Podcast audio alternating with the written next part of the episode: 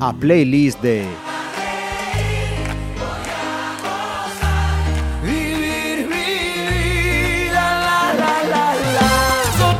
Saludos, pues arrancamos esta playlist eh, con una persona que, pues vamos a decir que para muchos sea desconocido, para otros puede que si habéis visto en algún momento la televisión digas, esta cara me suena, y que, según me acaba de comentar, dentro de unos meses lo va a ser, lo va a ser más.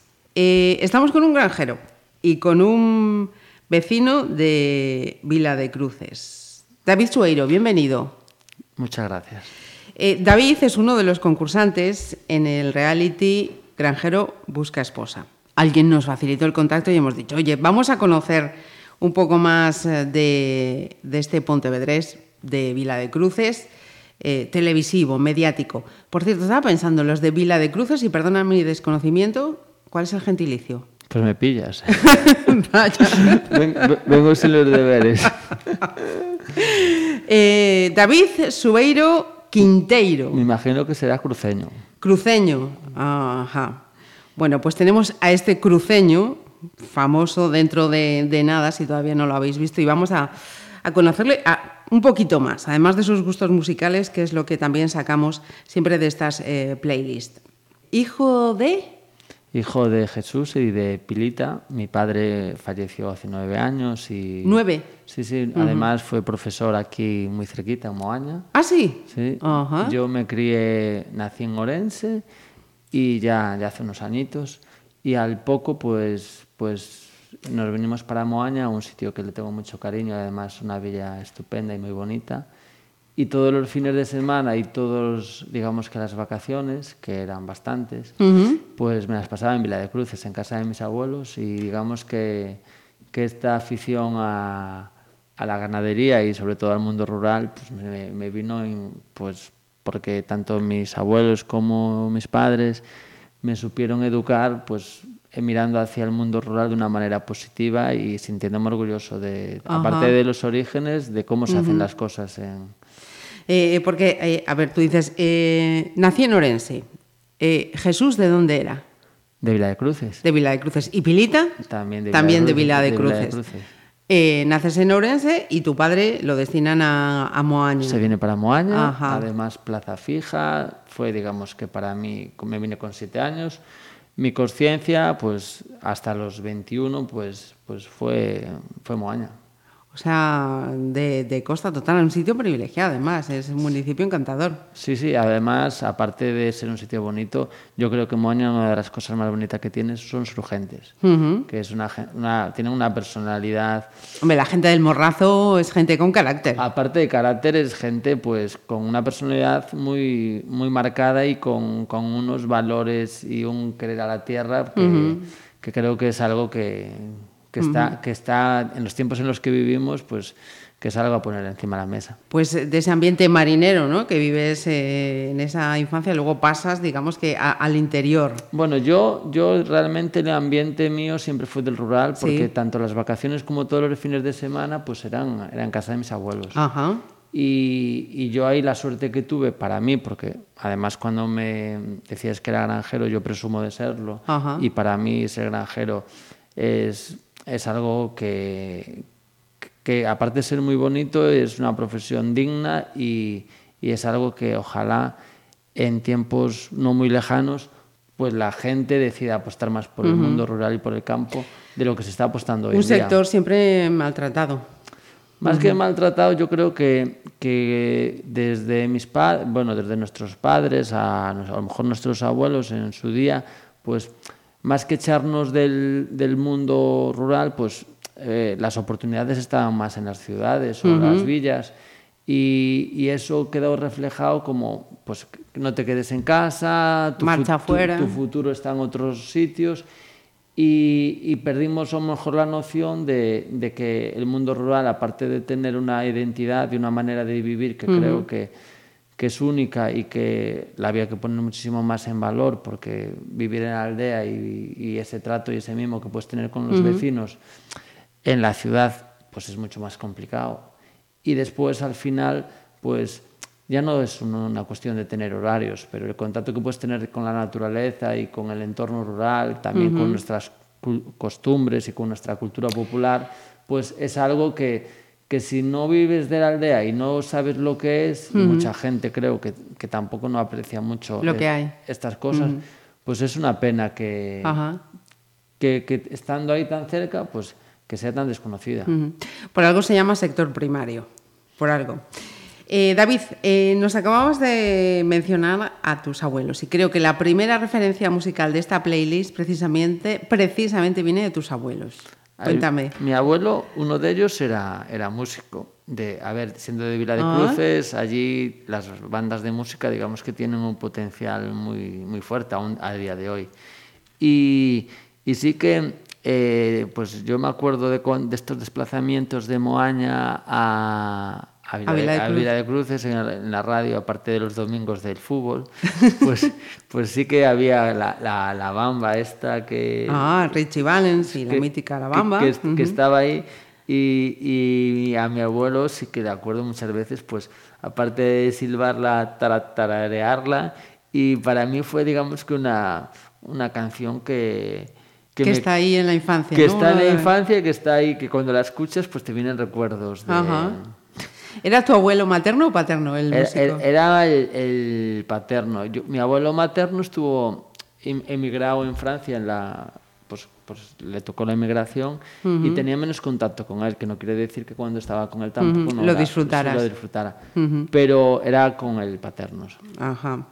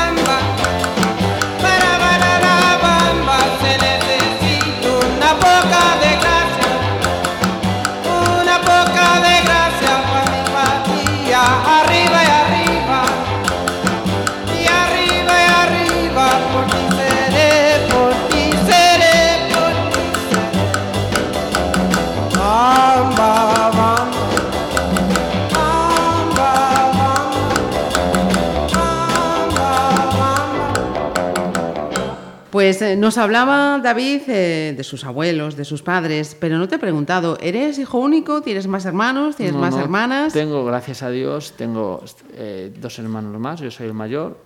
Tengo a mi hermano que se llama Sergio y a mi hermana que se llama Estela. ¿Cómo? Sergio y Estela. Estela. Estela Ajá. es una, una chica. Yo de mis hermanos solo puedo, aparte de decir cosas bonitas, pues fue una suerte que mis padres Decidieron que fuerais más. que decidieron que fuera más porque la convivencia, a ver, ahora, pues por circunstancias de la vida es normal, nos vemos menos, pero esa convivencia cuando éramos pequeñitos, pues, pues a, a mí me, me tiene muy buenos recuerdos. Tú eras el mayor entonces. ¿Y cómo, cómo era el ambiente entre los dos chicos y la chica? ¿Eras de los que protegíais a la hermana? ¿Era la hermana la que daba caña? Cuéntanos. Somos, yo soy más de proteger, lo que pasa que el carácter de mi hermana tampoco no es de dejarse proteger mucho. Ya, ya, ya- Es brava. Ya por sí ya, ya, se, ya se valía. Pero bueno, sí, sí que tengo que reconocer que aún a día de hoy soy de los que me gusta proteger. Sí. A lo mejor en exceso. Ajá. Mira, y vamos al, al cole. ¿Cómo era ese David estudiante? ¿Era buen estudiante? Era- a, mí, Era- a mí nunca me gustó estudiar. A ver, yo tenía mucha... A ver, más que gustarme estudiar, yo no es una cuestión de verle sentido. Estaba despistado y descentrado. No era... eh, Estas cosas, a ver, yo soy mucho de, de si me motivo y me gusta, pues lo doy todo y me gusta ser el mejor y pero por circunstancias, no sé de qué tipo, pues me costaba estudiar, me costaba ir al colegio, me costaba concentrarme, me costaba... Todo era todo un esfuerzo. Y eso teniendo el padre profe, Sí, que te daría caña. mm, Bueno, yo la suerte que, te- que tuve siempre con mi padre, mi padre, desde el punto de vista de, de ser profesor, mi padre era profesor en, en- su rama era la era FP Ajá. y era profesor de metal. Ajá. Y entonces el, el contacto que tenía con, con sus alumnos era muy más, mucho más manual, Sí, era- más, ajá. no era tan... Más específico, ¿no? Más concreto. más- Entonces, él tampoco no, era, no estaba obsesionado, él prefería que buscara algo que me hiciera feliz y que me gustara lo que hiciera y además siempre me inculcó eso. Tú lo que hagas, pues hazlo bien, trata de ser el mejor y haz algo que te guste. Entonces, en eso yo no me sentía presionado. El concepto de, del colegio que me aburría, yo no le voy- no, a ver, lo de echarle la culpa a los demás es muy.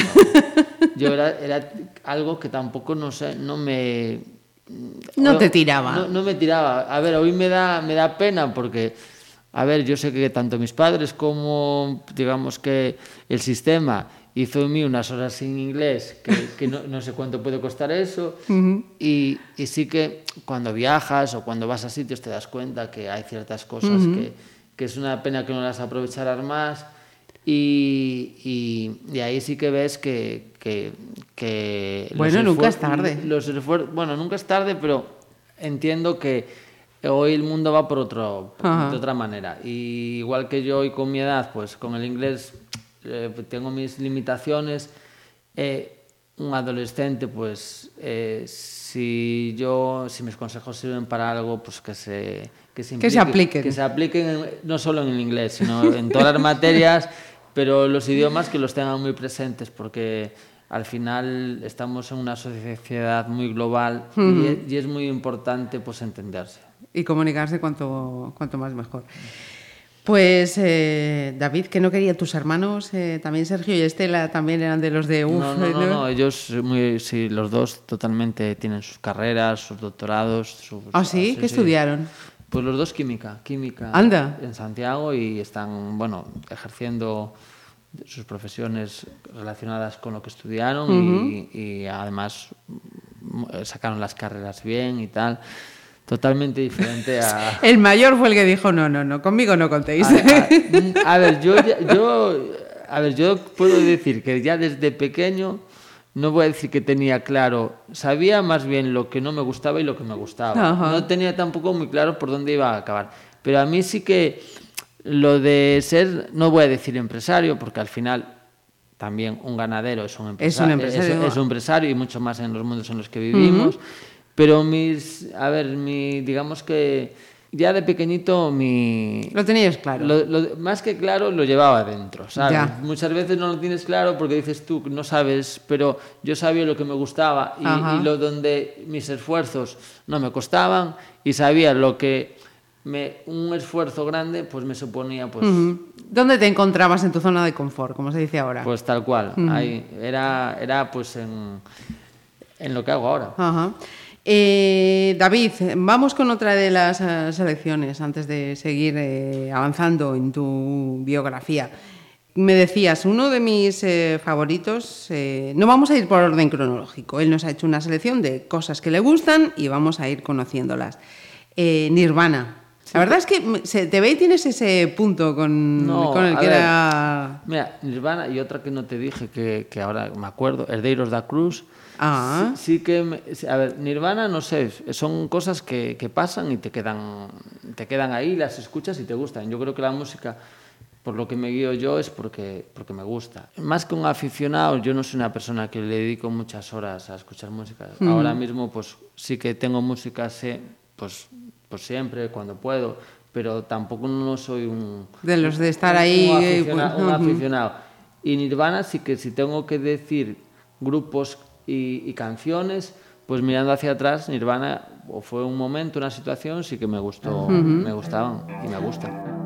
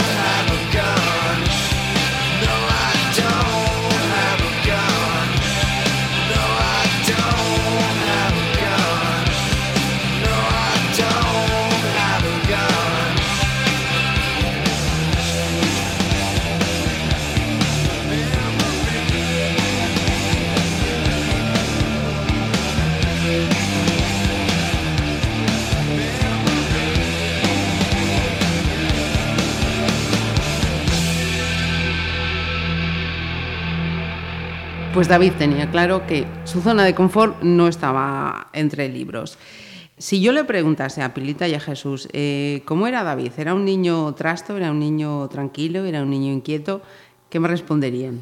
Que era rabudo. Rabudo, eso es muy gallego, era- es muy que- gallego. que era rabudo. A ver, ni bueno ni malo, yo no me considero que fuera un problemático, pero sí que era testarrudo, ¿sabes? Sí, de, esto de que de salir Quiero esto y hasta que no lo consigo no paro. y tal cual. Y entonces era, pues yo creo que la mejor palabra que puedo de- definir que era, que era rabudo. Y luego con el paso de los años esa característica se ha mantenido Sí. o ha sido suavizando. No, a ver, yo soy de los que, cuando, a ver, yo si quiero algo no escatimo ni esfuerzos ni, ni digamos que otras artes para tratar de conseguir las cosas. Y, y me considero buena persona, buena, una persona que, que me gusta pues pues hacer las cosas para que también la gente que esté a mi alrededor se, se, Se sienta a gusto. se sienta a gusto y, y si puedo hacer algo sin obtener nada a cambio para cualquiera, a mí eso me satisface y me genera unas cosas Satisfacción. bonitas, unas cosas bonitas, entonces yo me considero en ese sentido buena persona. Después en lo demás, bueno, pues tampoco no soy yo a lo mejor la persona más, más apropiada. Tendríamos que preguntar al entorno. Más apropiada para hablar de mí, pero bueno. Eh, vale, eh, nos decías, mm, no quisiste estudiar. Y mm, esa vocación, ese espíritu de decir, lo mío está aquí en el, en el rural, entre... ¿Cuándo empieza a despertar? ¿Cuándo...? mm, Con tres años. Con tres años. Con tres años. Yo me acuerdo que con tres años, cuando estaba en la aldea, pues yo, si me, lo más que lo de jugar, si me podía escapar, ayudarle a un vecino. a- a- por ejemplo, tengo recuerdos que me encantaba, pues las labores antes en el mundo rural, en Vila de Cruces, que es un sitio pequeñito, las, era minifundio, las fincas eran pequeñitas, pues lo de ir con las vacas aún con los aperos de labranza manuales, pues estaba a la orden del día. Pues a mí todo lo que era hacer cosas eh, de campo, pues me encantaba. Y si le podía ayudar a, mi- a mis vecinos, aparte de mis abuelos, para mí eso más que jugar era un día de fiesta. Entonces, pues ya a partir de ahí, después, pues me acuerdo que, digamos que mi primer sueldo, la primera vez que me pagaron por un trabajo, pues fue cogiendo unas moras. Anda, cuéntame Y, es- eso. y esto fue con seis años o siete años. Pues había allí un señor que recogía setas y moras y frutos y yo ya me puse al tema. Y además me acuerdo que eh, después ya casi hacía negociante del negociante. Ya le compraba los vecinos y se los revendía yo al, al, Caray, ya con la criatura. al este y sí, sí que me acuerdo de, de eso y tenía las zonas ya peinadas y tenía todo controlado y eso ya de pequeñito ya ¿Y, y te acuerdas cuánto te pagaba? sí en pesetas no exacto exacto no sé pero sé que era poco y uno de los problemas que tenía es que me enfadaba con los otros vecinos porque yo quería subir pero los otros le pagaban así y a mí no me entonces le dije yo tú tranquilo que aquí lo voy a comprar yo y hablé con ellos mira lo tenemos tenemos que vender más caro porque esto no este se está aprovechando de nosotros tal Qué Y- bueno. y generé ahí ya Ya apuntaba el ya- empresario. ya, ya ahí, ahí trata- tra- por eso te digo que eh, son cosas que, a ver, es trabajar y, y coger, mira, coger las moras no dejaba de ser. Las más buenas estaban más altas, que tal, que muchas veces decía, y esto valdrá la pena, pero es que me gustaba hacer eso. Sí, sí. Y, y lo disfrutaba y, y nada, bueno, pues son cosas que es lo que dices, que te marcan ya de pequeñito, a lo mejor las maneras. Sí, no, no, no, estaba claro, vamos, lo tuyo ya con seis años. Mira, eh, otra parada musical. Es todo un hito de, de la historia de la música de este, de este país. Loquillo. Sí, lo que yo tengo mm, por recuerdos de él de, del morrazo, Ajá. que, de- que venía mucho y sí que me gusta, me gusta Loquillo. De la época de los comienzos, De del los final. no, no, no, de los comienzos, de, de cuando yo era más joven. Ahora, si te digo la verdad, pues eh, lo- no, lo- no los, ni los sigo tanto ni los escucho tanto. Pero Los es- podemos. Sí, perdona, sí que. pero sí, sí que es de, de esto. Y después sí que, que, que te voy a hacer la lista de 20. Otros que me gustaban también eh, de mi época más, más joven eran celtas cortos. Celtas. Ajá. Del, que venían mucho al festival este del Morrazo. y, y sí que tengo un recuerdo de ellos, pues aparte de bonito, que me gustaba mucho ocasión. Ujú. Pues eh, nos quedamos entonces eh, con, con Loquillo también y aquel, por ejemplo, feo, fuerte y formal. Me gusta. Venga.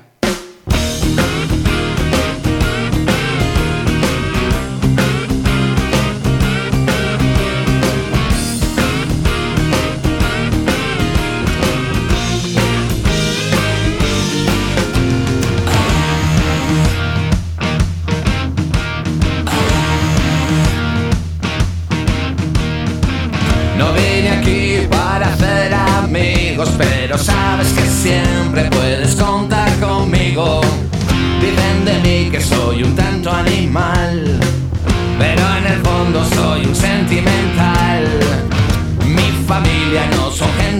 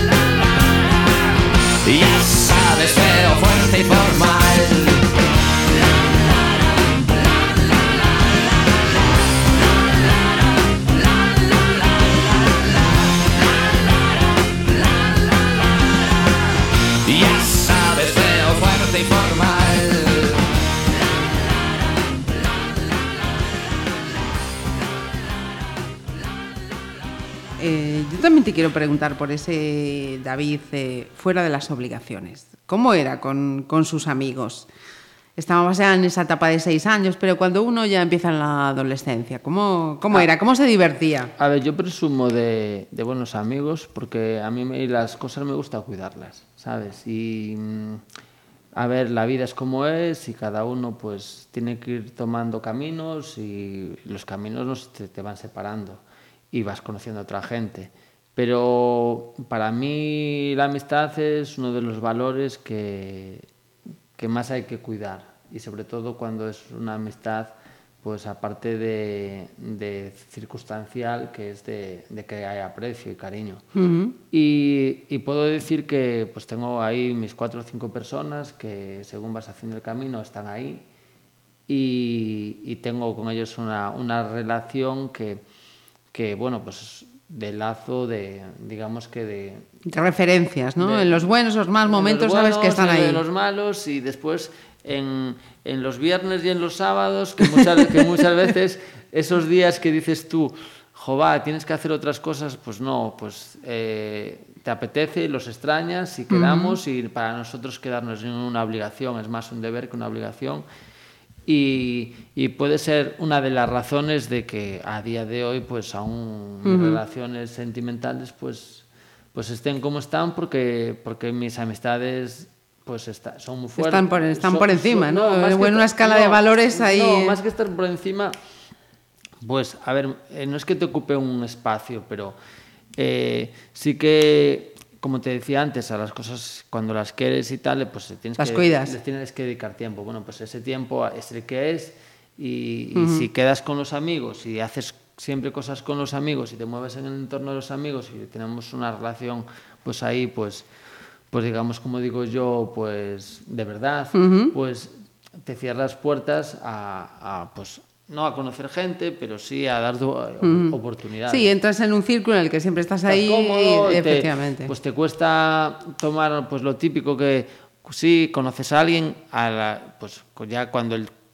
a la tercera cita o la cuarta pues pones antes tus amigos que, que, una, rela- que, que una que una posible cita Sí. pues, pues ya te miran raro y te dicen bueno pues si empezamos así mal vamos bueno pues ese tipo de cosas pues pues está- están ahí pero bueno para mí eh, no es tampoco una decisión Ajá. de decir no es la Te persona sale, estás a gusto, eres así y ya y, está. y- y- y tal cual. Mira, esas cuatro o cinco personas eh, ya estaban cuando eras pequeñito, No, han ido no, incorporándose se- a lo largo. se- a ver, dentro de esas cuatro, pues hay un poquito de todo, pero eh, como decía antes, el camino se hace andando y fue gente que, que fue sumándose a que lo se largo fue de... sumando a lo largo de los años y según vas teniendo más edad, pues hay ciertas cosas que valorar más que otras. Ujú. Sí que tengo también buenos recuerdos de gente de la adolescencia y de la niñez, lo que pasa que, a ver, esto es como todo. Sí, Cuando- las circunstancias van cuando- haciendo el cuando- camino a cada uno. cuando pierdes, digamos que también, aparte de la distancia, pierdes un poquito por la referencia del día a día, pues se van quedando por el camino. Eh, eh, ¿Cómo se divierte, lo que te preguntaba antes? ¿Cómo se divierte? ¿Dónde sale? ¿Qué hace un adolescente o un joven de, Ah. De Vila de Cruces, por ejemplo? ¿Cómo era tu caso? ¿Dónde ibas? ¿Qué hacías? Mira, me gusta hacer deporte mucho, entonces, pues una de las maneras de divertirme es hacer deporte. Después, aparte de eso, pues eh, me gusta comer. Para mí la gastronomía, y eh, estamos en Galicia, pues eh, tenemos que disfrutar de ella. Y, y sí, pues para mí lo de salir sin cenar no es salir. O, o lo, o lo de quedar sin comer no es quedar, ¿sabes? O- entonces, pues sí, que procuro eso. Y a mis amigos, pues la mesa nos une mucho. Sí, sí. Después, soy una persona eh, que, que en Galicia tenemos las fiestas populares. Ajá. pues, me gusta, eh, aparte de disfrutarlas, pues me gusta, pues, eh, no es que sea un efecto llamada, pero sí que hay estar de referencia, pues que sí me gusta. Después, las gastronómicas también. Y después, soy de discoteca, fui más de discoteca. Pero, a ver, yo por circunstancias de Vila de Cruces, digamos que mi ámbito donde, eh, aparte de sentirme más cómodo, donde tengo digamos que más mis amistades es en Santiago de Compostela. Yo soy un amante de Santiago de Compostela y después en verano sí que tengo que reconocer que vengo mucho a, a San Xenxo, aquí todo lo que puede ser el Grove, Cambados. Espera, espera, espera, que nos estamos yendo y tenemos todavía mucha lista. Hacemos una parada musical y me cuentas todo esto de Santiago, de San Celso, de Ogrove, que va a haber mucha gente que, que, afine, que afine oído. Eh, nos citabas ya antes a celtas cortos. ¿Qué, te- qué te llamaba? ¿Qué te gustaba de celtas cortos? Pues mira, Celtas Cortos, aparte de gustarme eh, alguna de sus canciones y casi sabérmelas, pues eh, una de las cosas que más me llamó la atención cuando los escuché fue que eh, utilizan pues el folk. Y para mí todo lo que suena a Galicia o todo lo que tiene referencia con nuestra tierra es algo que me gusta. Y ellos supieron, creo que, hacer música folk de una manera muy, muy actual. Y, y la canción el 20 de abril, 20 de abril, Pues, pues además tengo el recuerdo de que eh, perdimos pues, una Copa del Rey un 20 de abril en el estadio Vicente Calderón y, y, y, y, y nos pusieron el, el este uh -huh. y, y esa me quedó grabada. Ahí. Ajá. O sea que futbolísticamente te acabas de definir. Sí, yo soy del Celta. De, a ver, para mí el Celta yo cuando me crié en, en Moaña. en Moaña, pues hacía atletismo y, y tuve la suerte de formar parte de la familia del Celta de Vigo de atletismo. Ajá. Y, y para, mí, para mí los colores del celestes es algo que, que siempre te- llevaré ahí y, le- y el día de mañana si tengo suerte y llego a tener hijos, pues No sé de Van del no sé- Celta no- fijo, no sé vamos. si va a ser del Madrid o del Barcelona, pero del Celta que va a ser lo tengo Lo primero. Lo tengo claro. Mira, esto no me lo habías contado, o sea, que hacías, eh, eras eh, de Atleti- atletismo. Sí, hacía atletismo. Y, y- y luego lo dejaste ya. Sí, a ver, con, con 20 a ver, esto es como todo. Cuando eres- a mí me el deporte siempre me gustó, además me sentía, no sé, me sentía, igual que te decía que estudiando no me sentía cómodo, Sí, pues haciendo deporte haciendo- me sentía genial. Y, y una de las cosas que sí que se hacía muy bien en, en- en el Morrazo, pues tenía unas, hay, imagino que seguirán existiendo, hay unas escuelas de deporte para la gente joven, tanto para remo como de atletismo, Sí. como de fútbol, que, que yo en el interior de Galicia no las veo. Pues a ver, a lo mejor me estoy equivocando, pero no tengo esa cercanía que, que tenía en su momento cuando estaba, cuando me crié en el Morrazo. Y, y me gustaba el, eh, a ver, ya no digamos que lo- cómo se seleccionaba la gente, cómo nos preparaban, cómo nos entrenaban. Lo que más me gustaba era el compañerismo que había Ajá. y El espíritu deportivo. el espíritu deportivo que a ciertas edades pues pues ayuda mucho sobre todo aparte de formarte como persona pues cómo relacionarte con las personas Efectivamente. Pues venga, va por el Celta, Celtas cortos.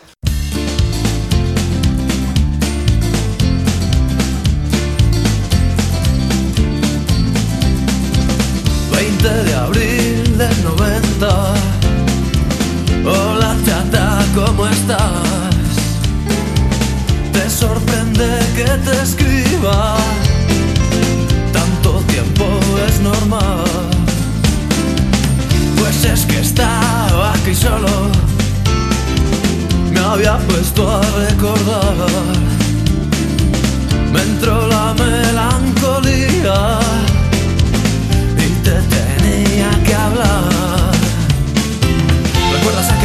en la cabaña del turbo?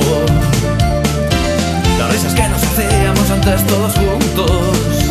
Hoy no queda casi nadie de los de antes. Y los que hay han cambiado,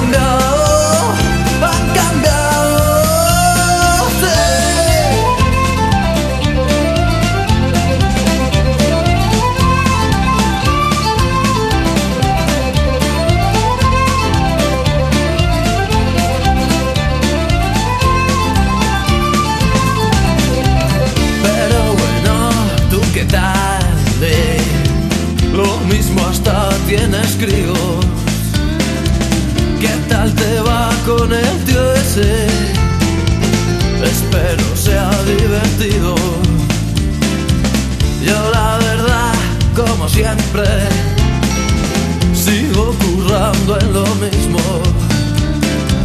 La música no me cansa pero me encuentro vacío.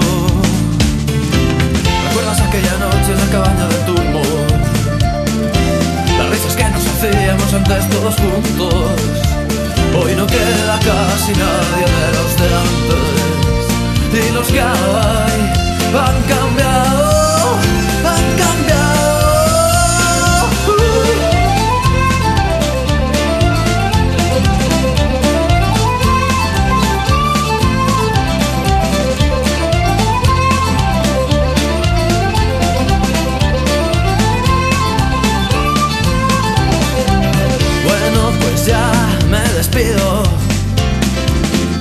te mola, me contestas. Espero que mis palabras desordenen tu conciencia. Pues nada, chica, lo dicho. Hasta pronto si nos vemos.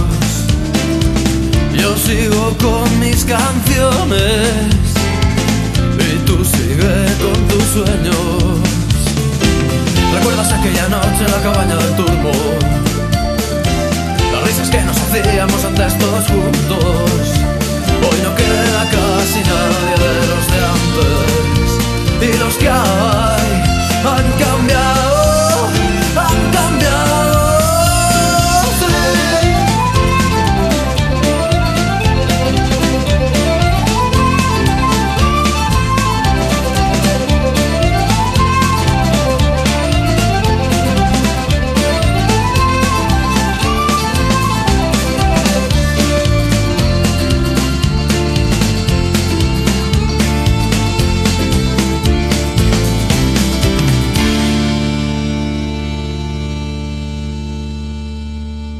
Pues eh, nos, daba, nos daba así unos cuantos apuntes, Da- David, ahora que le quería preguntar. Eh, vamos con esas referencias de ciudades. Santiago de Compostela.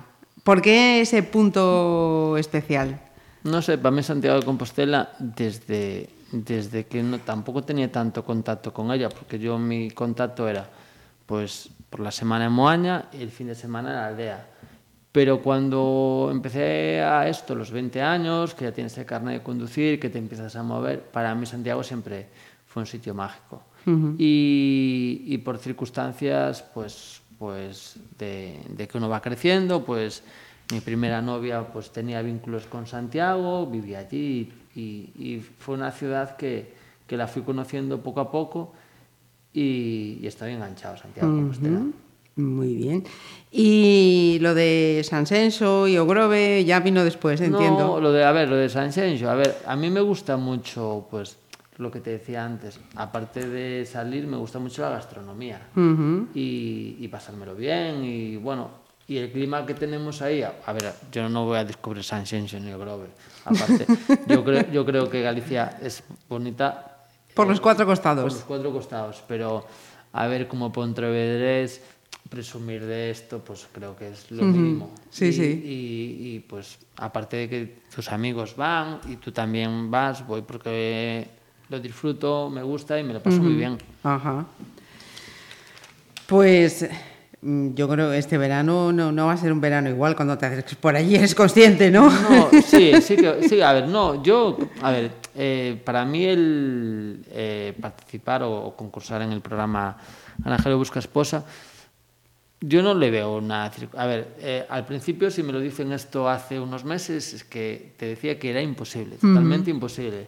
Lo que pasa es que se dieron las circunstancias donde cuando me lo propusieron la respuesta fue no tajante, se sentaron conmigo en una mesa, me explicaron el concepto del programa y realmente pues yo soy de las personas que por miedo no deja de hacer las cosas.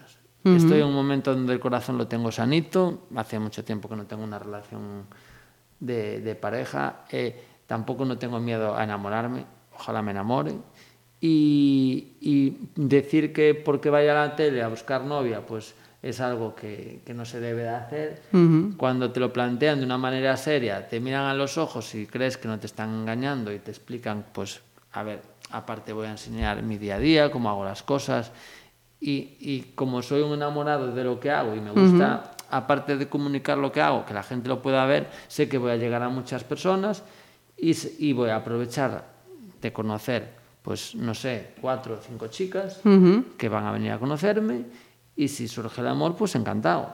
Ujú. Y si no, seguimos para adelante, que si- oye, y si- mientras haya tiempo, si no, ahí está la posibilidad. ver, sí, señor. Yo soy de los que piensa que siempre, a ver, es cuando, cuando estás en pareja lo mejor es estar, más que enamorado, estar seguro, porque tampoco estar por estar para mí no es, no es, la- no es, digamos que el objetivo. Ujú. Hacemos otra parada, David, y además cañera, Guns N' Roses. Bueno, no sé, es- igual que te hablaba de Nirvana, pues para mí también creo que son de, de estos grupos y tienen, pues no te voy a decir una canción, tienen varias canciones que sí que me quedaron ahí.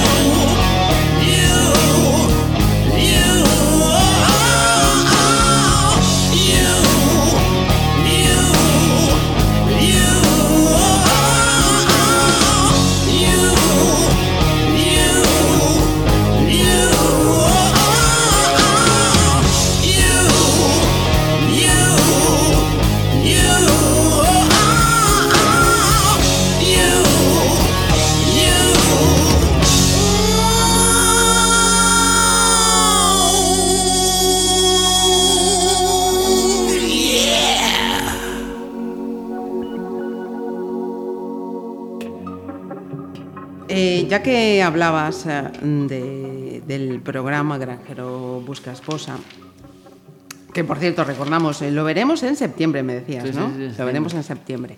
Eh, está todavía con todo el, con todo el follón este de, de lo que puede pasar, lo que no, lo que no puede pasar. Pero eh, hablabas también de eh, dar a conocer tu trabajo. Eh, te quería preguntar entonces en este punto de, de esta playlist por eso. ¿En qué momento formas tu, tu empresa? ¿Cuándo se...? A ver, realmente yo creo que todo lo que fui haciendo en mi vida me llevó a, aparte de formarme, a, a tener, digamos que, las- unas actitudes para lo que estoy haciendo. Porque miras para atrás y cosas que están relacionadas, otras que están menos relacionadas, pero me llevó a, un poquito a, a esa cosa que tenía en la cabeza, pues empujarme a, a ponerla encima de la mesa y tratar de hacer una empresa. Yo hace cinco años pues empecé con esto de una manera profesional. Eh, primero monté una cooperativa que fue un fracaso y, y después de ese fracaso el trabajo que tenía hecho y sobre todo esa idea que, que realmente creo en ella pues le di una vuelta y eh, monté una, una sociedad, una SL. Y, y a partir de ahí, pues, pues empecé haciendo pues lo que se hacía. Espera, David, te corta. Perdona. Hace cinco años montas esa cooperativa. Antes, entiendo, entonces habías trabajado para otros, no, no trabajabas para No, ti. no, antes eh, pues estaba haciendo otras cosas y, y- y más que trabajar para otros, eh, si yo no le trabajaba a mí, yo tuve una etapa ahí, pues, eh, pues de, como tenemos todos en la vida, que, que me gustaba lo que hacía, pero realmente mm, para mí no era lo, digamos que... No te sentías realmente a gusto. más que no sentirme realmente a gusto, y yo me levantaba contento, para mí lo que hacía me gustaba, pero eh, yo sabía, y además... Que lo- tenía que lo- haber algo más. Lo tenía claro, que eso todo que, que, que aprendí y que fui, digamos, que desarrollando, pues que tenía que darle un sentido y quería... A ver, la, la vida es corta. Mi padre falleció hace nueve años y, y una de las cosas que aprendí es que... eh, lo que puedas hacer, trata de hacerlo, no esperes, no, Sí. de- no lo dejes mucho pasar. Lo que puedas hacer hoy no lo dejes para Eh, mañana. Entonces, eh, todo eso que tenía en la cabeza, pues eh, tenía que darle forma de alguna manera y, quería, y quería intentarlo. Entonces, en un viaje que tuve a, a la República Dominicana, pues en- con, con una de mis novias que tuve, pues eh, me llevaron a la, una de las rutas que hicimos, fuimos a la fábrica de Brugal, de Ron Brugal, y vi que, que una de las cosas que más me llamó la atención, aparte de que estaban súper contentos y súper felices trabajando, cómo vendían el, el ron y cómo vendían los, sus productos. Y, y los estaban vendiendo en su fábrica, donde real- realmente producían el ron y, y enseñando todo su proceso. Entonces, aparte de, de vender ron, ellos lo que vendían era cómo hacían el ron, Ujú. no el ron en sí. Sí, Después sí. tú comprabas el ron. Sí. Y comprabas Brugal porque, porque de la manera que lo hacían, pues hacían un producto único. Ujú. Entonces, eh, me vine con la idea clara de que yo no tenía que vender cómo hacían, no tenía que vender mis productos. Lo que tenía que vender era cómo, ¿Cómo hacía- hacíamos mis productos. Ujú. Y además, como gallego que somos, pues que tenemos un legado y un patrimonio de cómo somos los gallegos y de cómo hacemos las cosas, que, que tenía para mí, aparte de mucho valor, que tenía mucha credibilidad. Ajá. Entonces, Vila de Cruz es como me gusta decir a mí, que es el jabugo de los gallos al jabugo de los jamones, pues ese, digamos que trabajo bien hecho, pues ya lo llevamos en la 23 edición de la Fiesta del Galo del Corral, de interés turístico a nivel gallego, pues, pues ese trabajo que está ahí, pues lo quise, digamos, que, que poner encima de la mesa con un plan más que estratégico, pues como creo que hay que hacer las cosas, pues participé en, en el primer, primer programa de emprendimiento agroalimentario de la Fundación Juana Vega, Ajá. donde ahí hice un, un plan de empresa y en ese plan de empresa pues eh, lo que traté de desarrollar pues era una manera de hacer las cosas pero de una manera empresarial. Ajá. Vamos, voy a seguir preguntándote por esa faceta emprendedora. Eh, fíjate, la, la última selección era Guns N' Roses y ahora de repente mm, das la vuelta y me dices, me gusta Take That, aquel grupo que había ahí Sí, atrás. me- igual que, que- que- bueno, la, la elección de las canciones ya te la expliqué, no tienen un porqué, ni tiene, es Momentos. momentos, cosas que me vienen a la cabeza y sobre todo para mí la música es algo que te hace sentir cosas bonitas y te, y te pues te, Te remueve. Te remueve y a mí pues te da pues me gustaron. Pues venga, vamos con el momento Take That, claro que sí.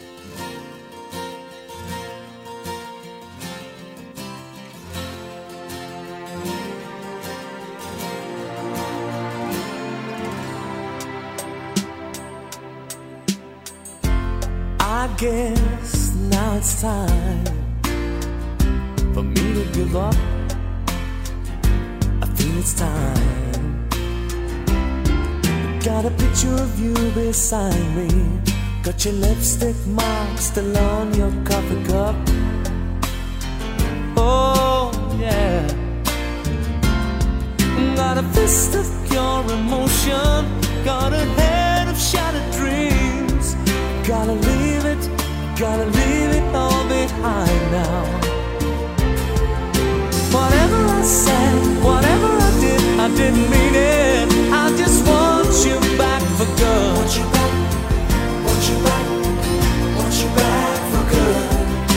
Whenever I'm wrong, just tell me the song and I'll sing it. You'll be right and understood. Want you back, want you back, I want you back for good. Unaware but underlined, I figured out the story. No, no, it wasn't good. No, no, but in a corner of my mind, I celebrated glory. But that was not to be. In the twist of separation, you excelled at being free. Can't you find a little room inside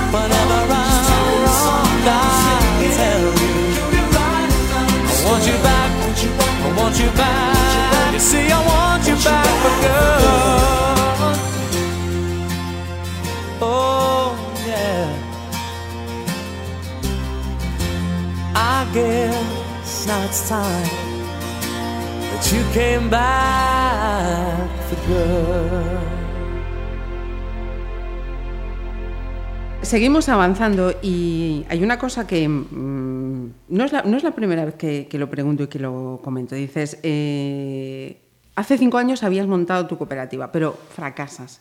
Sin embargo, eh, sigues intentándolo, sigues para adelante.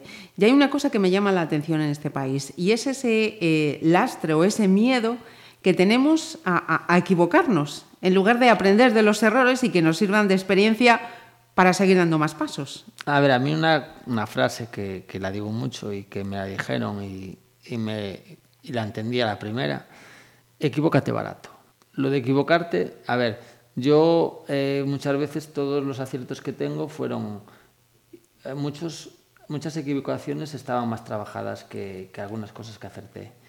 Y yo en mi empresa lo que tratamos de hacer es que los errores no nos maten Ujú. Pero no tenemos miedo a, a equivocarnos, porque eh, la situación es, es cuando eres pequeño, no es que tengas que innovar, innovar cuesta dinero, tienes que hacer las cosas para hacer hueco. Y la única manera de hacer hueco es, muchas veces puedes tener ideas que pueden ser muy buenas y no salen adelante, no porque no sean buenas, no salen adelante porque a lo mejor no es el momento. Entonces, pues la única manera es de, de probar, probar, probar, probar, probar y pues en un error, en, un- en un error puedes, te puede salir. Yo hoy en día el producto que digamos que más puede identificar eh, a, a mi marca Galo Celta es el huevo y, y yo no quería vender los huevos. Y, y los estamos vendiendo a euro. Y entonces dices y eso es un acierto no eso fue una circunstancia que, que me los querían comprar y yo no los quería vender y,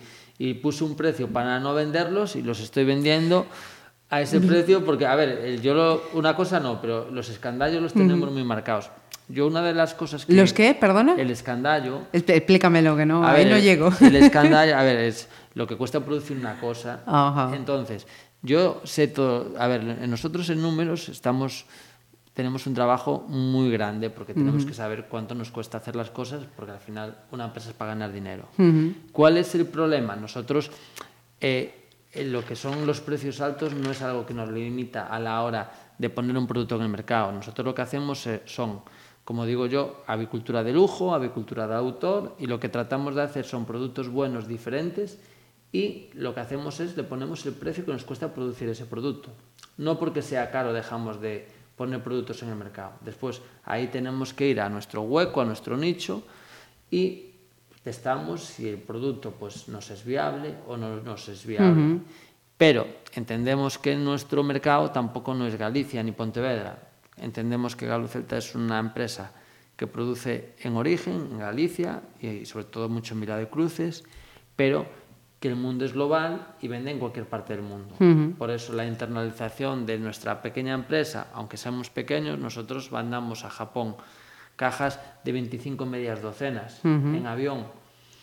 Eso Y trabajas para chefs como Verasategui, Sí, a ver, o sea, sí, a ver, nosotros estamos muy, una de las primeras cosas que, que- que centramos cuando hicimos el programa de empresa es a quién le quieres vender. Pues a ver, si, si quieres dedicarte a la avicultura de lujo, a la avicultura de autor, lo que no puedes tratar es de hacer las, digamos que una estrategia eh, para posicionar el producto de una manera y tratar de vender en todos lados. ¿no? Nosotros tenemos una producción muy reducida y esa producción reducida no es que- también no- tiene un es- emplazamiento no es que- concreto y determinado. no es que la queramos vender en, en- en unos sitios determinados, es que el sentido y el, el sentido, más que el sentido lógico, es que nuestra producción solo se puede entender en un tipo de, De mercado concreto. de mercado con- concreto donde se trabaja el producto con mimos, se buscan cosas que en otros sitios No los se, encuentras. se buscan y después nosotros tenemos un precio que también al final nosotros, a ver, una de las cosas que me decía mi abuelo, tú procúrate con la gente con la que te rodees que gane dinero contigo. Nosotros no somos baratos por, por estrategia comercial, no, nosotros hacemos las cosas de una determinada manera que esa determinada manera nos- Exige un coste. nos lleva a cuando nos ponemos en la mesa un coste y hay poca gente que esté dispuesta A pagar a, ese. a pa- a pa- a pagar nuestro producto. Mucha gente te dice, pues tienes que cerrar la empresa. Pero a ver, el mundo es muy grande, la gente demanda cierto tipo de productos que son, a ver, el gallo era en el mundo rural el producto que cuando había una celebración como era el cumpleaños del pues de- Sí, para fiestas, ocasiones especiales. pues había dos o tres gallos en el corral de Sí, año. sí. Pues eran, pues digamos que para las fechas más, más Señaladas. especiales, pues se, se sacrificaban esos gallos. Pues Galo Celta lo que pretende recuperar es ese producto y criado de una manera honesta. Mira, ¿y cuántas veces en los últimos tiempos te han vacilado con la frase esa de tengo los huevos más caros del mundo? Pues, a ver, eh, es- esa frase no es mía. Y, y- y- y tengo. a ver, eh, a día de hoy eh, nosotros vendemos el, el huevo pues, en, en sitios de- donde nos lo pagan a un precio que no tiene nada que ver con, con un huevo. Pero ¿por qué se paga el precio? A ver, el precio se paga porque nuestra producción es pequeña. Eh, el huevo de castaño lo hacemos de una determinada manera. Tenemos un huevo de segunda puesta que aún por encima tiene unas características determinadas eh, tenemos una demanda que tenemos que ponerle un precio. Entonces, el precio del huevo viene, viene de ahí. Y gracias a Dios, pues podemos decir que tenemos el huevo más caro del mundo. Sí, lo podemos decir porque no es que lo diga yo. A ver, Martín Berasategui estuvo aquí en Galicia hace nada y él, una de las cosas que me dice todos los días, David, los huevos de las gallinas tuyas, pues para mí es el mejor huevo que probé en mi vida y, y no, me- no es que me lo diga eh, como una frase hecha. Mm, me los pide, eh, tengo que producir.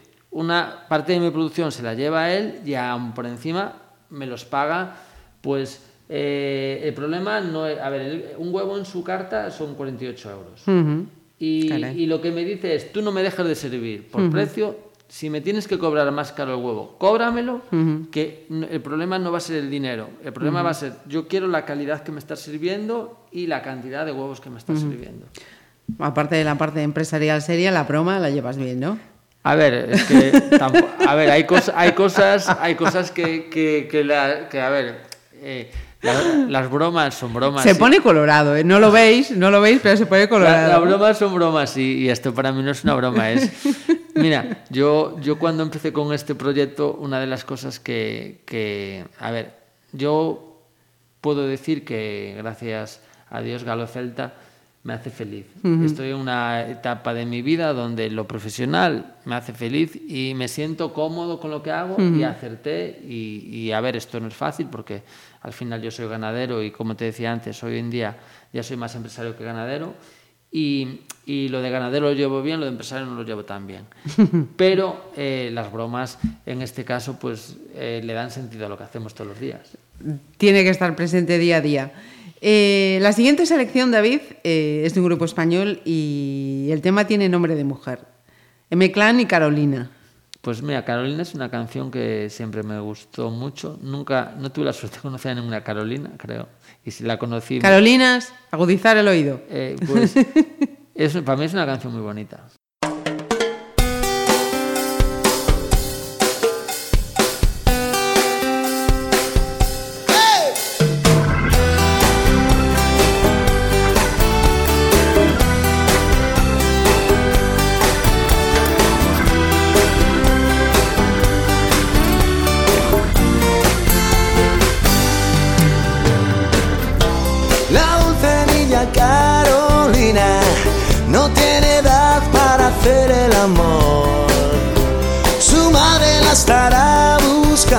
Eso es lo que creo yo. No puedo echarla de mi casa, me dice que no tiene dónde dormir. Después se mete en mi cama, eso es mucho para mí. Esa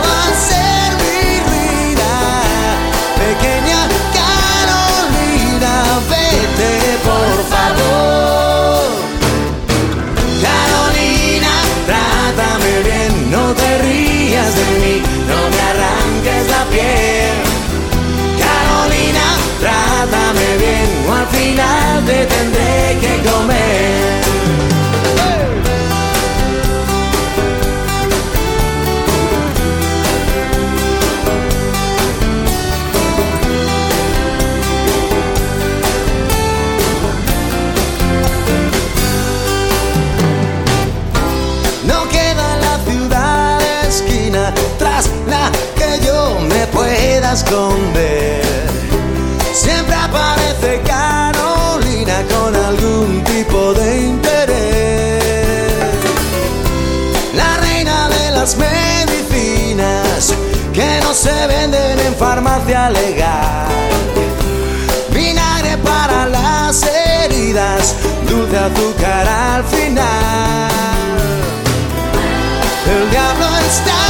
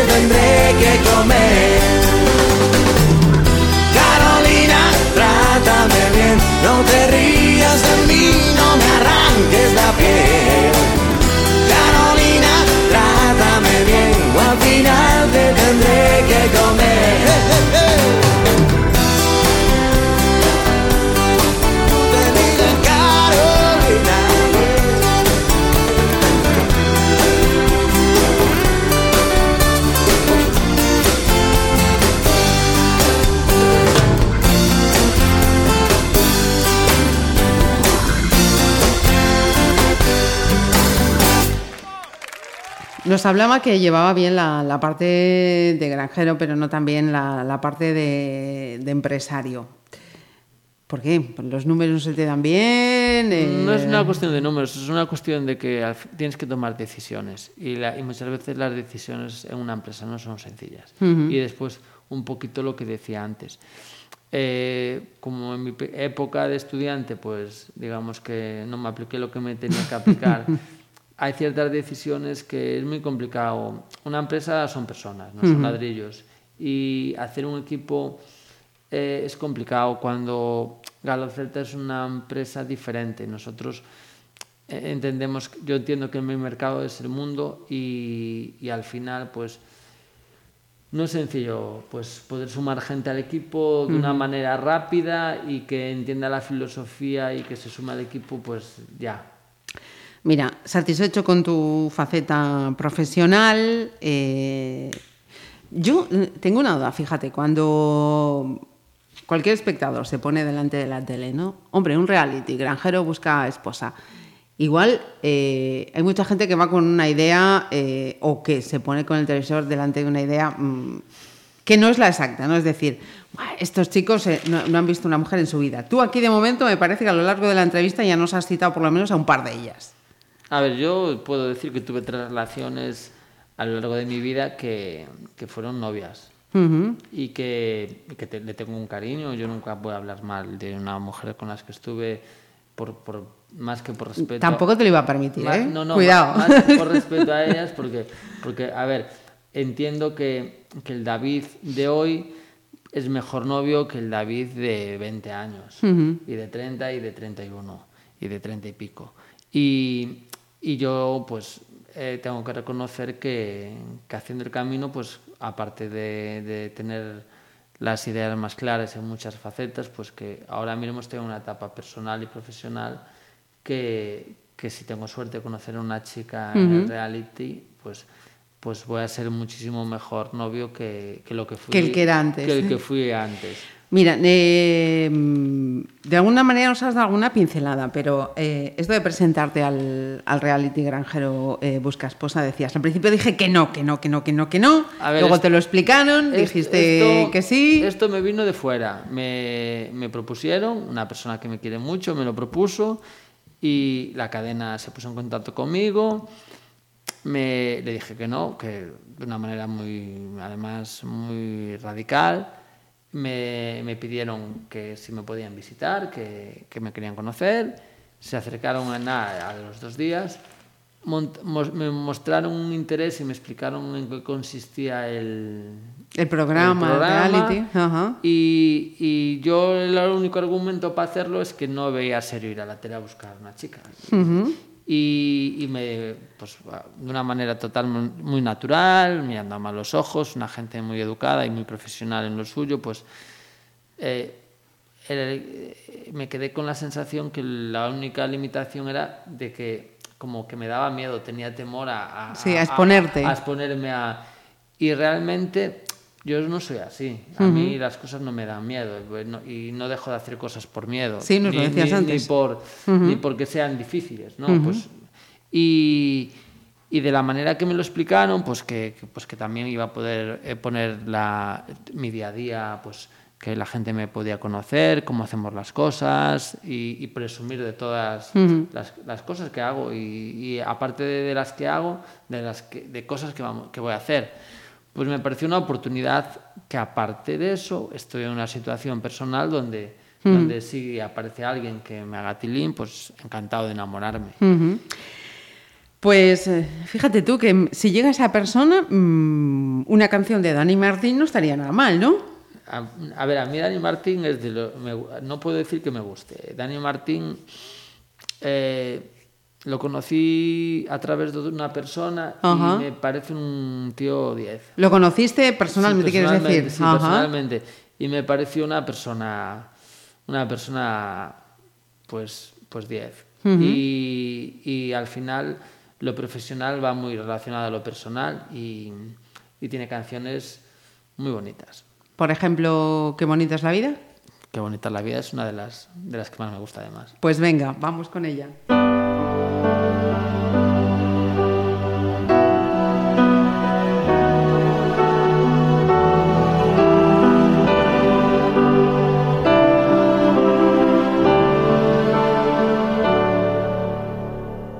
Qué bonita la vida, queda todo de golpe y luego te lo quita. Te hace sentir culpable, a veces cuenta contigo, a veces ni te mira.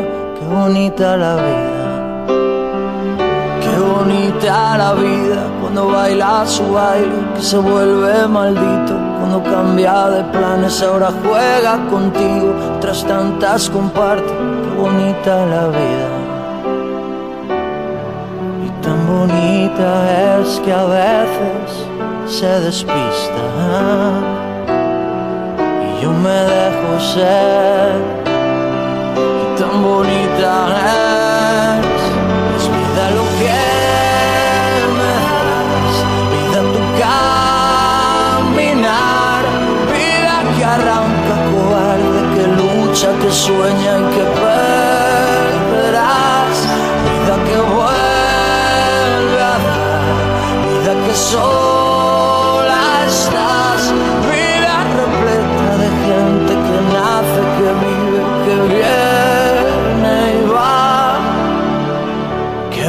bonita la vida, tantas veces enorme, te acaricia y te mima, te hace sentir tan grande, a veces eres un niño, a veces enemiga, qué bonita la vida. Qué bonita la vida, qué regalo tan grande que luego te lo quita. Te hace no ser de nadie, a veces un sinsentido, otras tantas gigantes. Qué bonita la vida. Tan bonita es que a veces se despista. Yo me dejo ser. Tan bonita es, es vida lo que me das, vida tu caminar, vida que arranca, cobarde, que lucha, que sueña y que perderás, vida que vida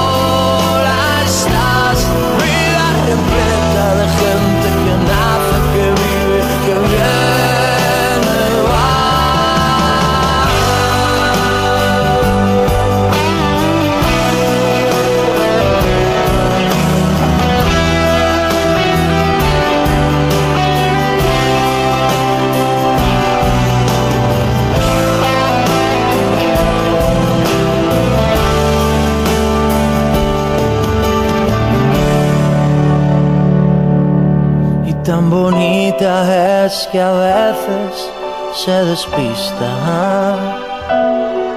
Y yo me dejo ser. Tan bonita es, es vida lo que me das, vida tu caminar, vida que arranca, cobarde, que lucha, que sueña y que perderás,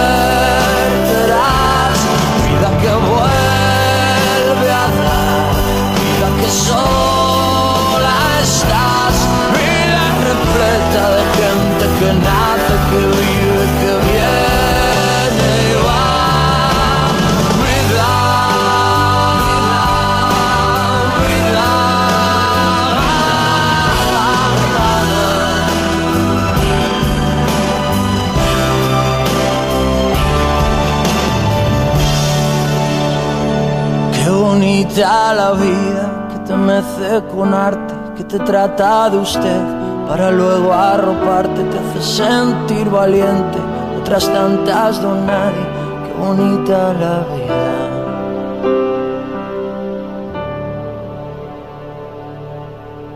Pues nos quedan dos selecciones nada más para terminar esta playlist con, con David eh, Sueiro. Hemos conocido, fíjate, a ese chaval que desde pequeño ya dijo, no, no, esto no es lo mío, que con seis años ganó su primer sueldo. Ya hemos conocido sus gustos, sus aficiones y estábamos ya en ese, en ese momento, ya en esta etapa eh, televisiva. ¿Cómo, ¿Cómo está siendo? ¿Está cambiando mucho tu vida con todo esto de cámaras alrededor? Muy rara. Muy rara. ver, yo soy, yo al principio, y ahora ya voy a adelantar alguna cosita, pero bueno, al principio eh, pensé que era una cosa que iba a tener controlada, que no me daba miedo porque no... Sí, que va a influir, ¿no? Unas cámaras a- No, no, esto está controlado, no va a haber problemas y... Pero ya en la presentación del programa ya se complicó la cosa. Y, y a partir de ahí, pues eh, la verdad es que, que estoy contento, estoy muy contento, pero las cosas cogieron un derrotero que ya no las gestiono de la misma manera que, que en su día, cuando Sí. me senté con, con la gente de la cadena, que me, que me dijeron... La vida te sorprende a veces, ¿no? Piensas que eres capaz de controlar las cosas, de llevarlas tal y... Y además creo que es lo bonito de, estas- de estas cosas. Sí, sí. ¿Entiendes? Que, que vas a un programa... A, a ver, a mí me gusta hacer las cosas, aparte de verdad hacerlas, disfrutarlas. Ujú, sí, yo, sí. yo si esto, pues decidí dar un sí es para, para hacerlo bien y disfrutarlo. Lo que pasa es que, a ver, es complicado porque muchas veces eh, donde menos piensas, pues aunque sean cosas que dices tú que son que dos más dos son cuatro, muchas veces No, no, no son el- cuatro. el dos más dos pues no son cuatro. Y, y bueno, no sé, no... Y, y- y eres consciente también de, de que esa exposición también eh, a veces eh, conlleva cosas que no son muy agradables, ¿no? ¿Tú estás preparado para cuando esto se comience a emitir críticas que puedan Yo, caer, que a puedan... ver, yo las, mira, yo el concepto de- del programa no le doy... A ver, yo soy ganadero, me dedico a lo mío y eh, yo voy a entrar ahí a defender mi trabajo. Yo la exposición de lo que venga del programa, pues habrá cosas que la gente le gusten, otras no le gusten, a las que le guste tampoco no, le tengo, no las tengo que aplaudir. Y a las que no le gusten las tengo que respetar. Te- está claro que no le puede gustar a todo el mundo. Y eh, eso a mí no, no me va a influir de una manera como para decir que, que- Te, cuesta- te cuesta un disgusto, vamos. que me, cuesta, que me cuesta un disgusto. A mí, en lo profesional, en lo mío, si uno de mis cocineros o una persona que toma mis productos, pues se siente disgustado por alguna cosa que hice o por algunas cosas que, que- Sí. de, de mi trabajo que no le gustan. Eso sí te afecta. Eso me afecta. Yo el reality lo tomo como una experiencia mía personal, que voy a exponer mi empresa y lo que hago yo, pero de una manera, pues en este caso que es conociendo a cuatro chicas. Eh, al principio, pues eh, eh, mi planteamiento era un poquito, pues darle la oportunidad a esas chicas, conocerlas y hacer mis tareas. Veremos a ver lo que pasa. Ya tengo grabado mucho y los derroteros no, ya lo adelanto, no van por ahí. Las cosas se complicaron para lo bonito y, y, a ver, eh, viví la experiencia, lo que viví hasta ahora lo viví de una manera totalmente bonita y a la gente le puede gustar o no le puede gustar. Pues es que si, y si- a ver, yo soy, a ver, a mí me gusta respetar a los demás y no hacerle daño a nadie. Pero yo mi vida la tengo que vivir yo, ¿sabes? Que está claro. En- Entonces, si tengo que, si tengo que mirar a gustarle a todo el mundo, pues a lo mejor... Mal vamos, lo mejor y además algo, algo fallaría, ¿no? Me- me Yo soy de me- las que piensa que una persona le puede caer bien a todo el mundo. me pierdo, me pierdo, me puedo perder cosas bonitas. Entonces, pues mira, decidí apostar por esto, lo voy a disfrutar, lo estoy haciendo y espero gustarle a, la máxima gente posible. Y a los que no le guste, pues Mala suerte. Mala suerte. ni más ni menos. Mira, nos quedamos con un gallego. Penúltima selección, Iván Ferreiro. Sí, a ver, para mí Galicia, igual que me gusta presumir de que soy gana- ganadero y agricultor y del rural, para mí Galicia tiene cosas que, que tenemos que poner en valor. Y nuestros artistas... La cultura. Igual, igual que, la- que toda la cultura. Y, y hoy en día nos gusta a lo mejor mirar mucho para atrás, pero no le damos el valor a la gente que está haciendo cosas. Y para mí Iván Ferreiro es un grande. Ujú. ¿Algún tema en concreto te da igual? No, aquí te dejo escoger a ti.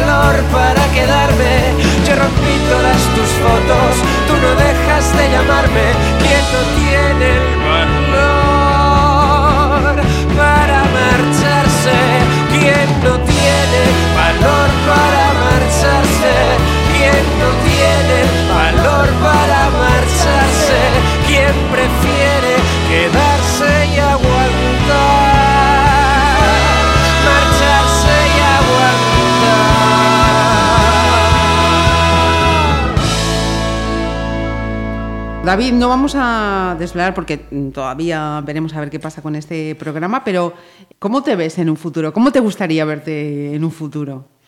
Con mi empresa sentada, vendiendo muchas cosas fuera de, de Galicia, Ujú. porque creo que lo bueno que tenemos en Galicia es que se nos van a entender nuestros productos mucho mejor fuera que dentro.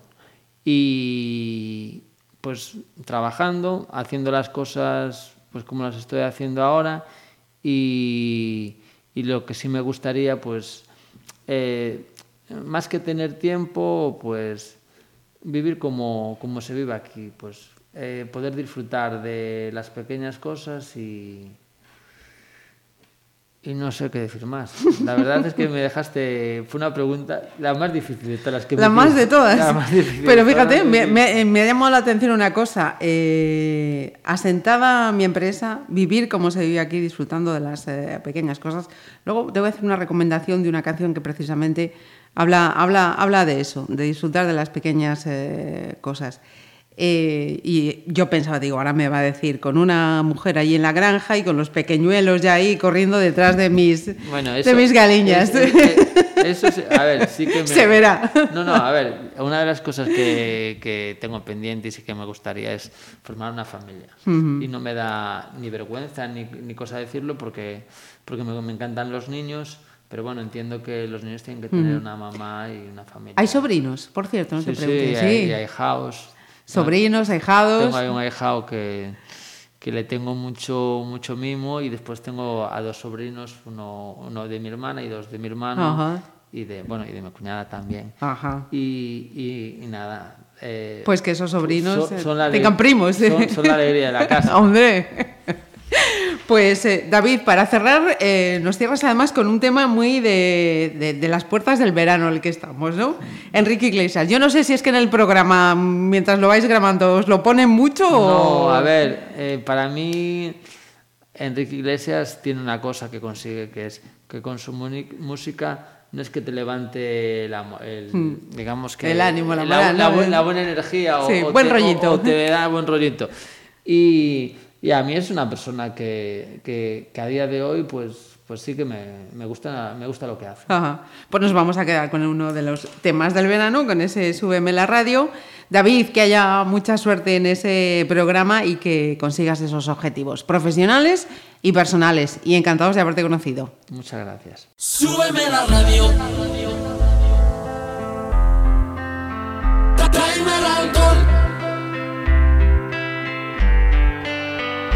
Súbeme la radio, que está mi canción. Siente el bajo que va subiendo. Tráeme el alcohol que quita el dolor. Vamos a juntar la luna y el sol. Súbeme la radio, que está mi canción. Siente el bajo que va subiendo. Tráeme el alcohol que quita el dolor. Hoy vamos a juntar la luna y el sol. Ya no me importa nada, ni el día ni la hora. Si lo he perdido todo, me has dejado en las sombras. Te juro que te pienso, hago el mejor intento.